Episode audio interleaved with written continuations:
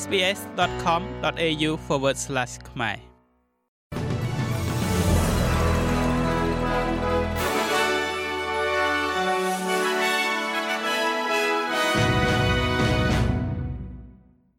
សូមស្វាគមន៍មកកាន់នេតិព័ត៌មានខ្លីៗរបស់ SBS ខ្មែរសម្រាប់ថ្ងៃអង្គារទី11ខែកក្កដាឆ្នាំ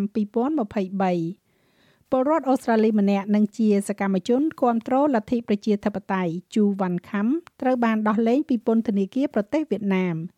អ្នកដុតនំក្រុងស៊ីដនីដែលចូលនិវត្តន៍រូបនេះត្រូវបានចាប់ខ្លួនក្នុងឆ្នាំ2019ក្រោមការចោទប្រកាន់អំពើភេរវកម្មហើយត្រូវបានកាត់ទោសឲ្យជាប់ពន្ធនាគាររយៈពេល12ឆ្នាំ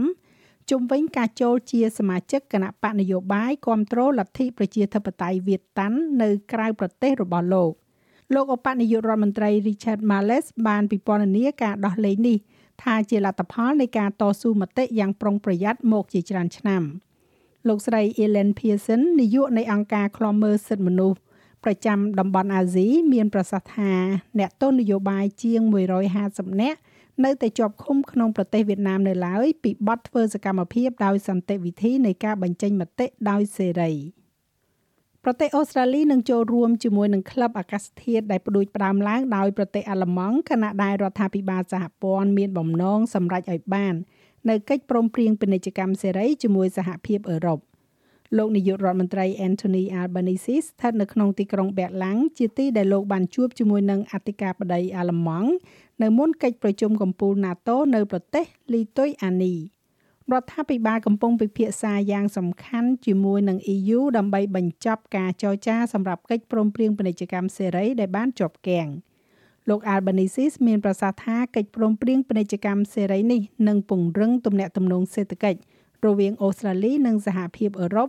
នៅពេលដែលសកលលោកមានភាពមិនប្រកបប្រជា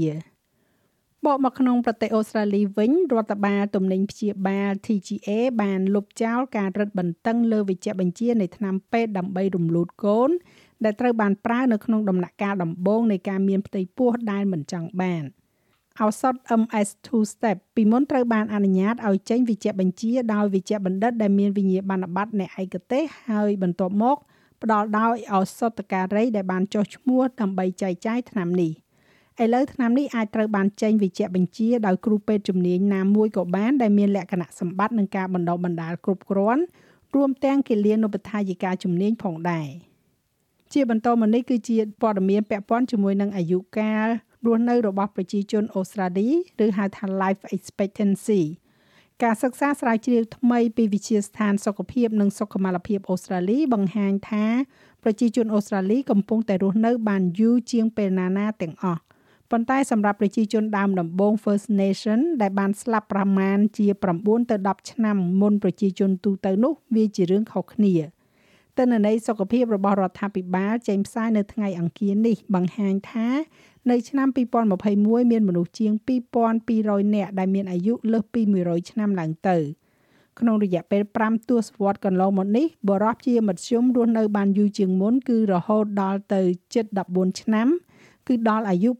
81.3ឆ្នាំ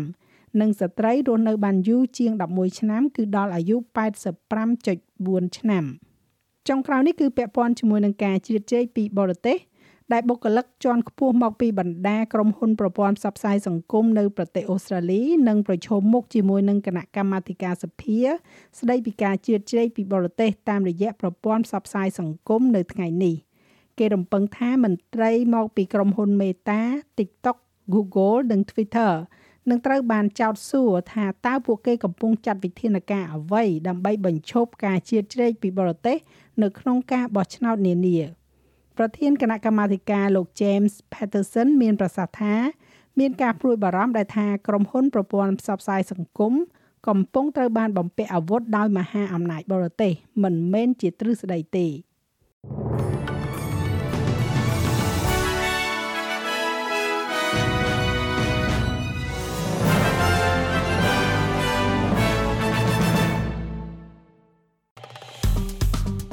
ចុច like share comment និង follow SBS ខ្មែរនៅលើ Facebook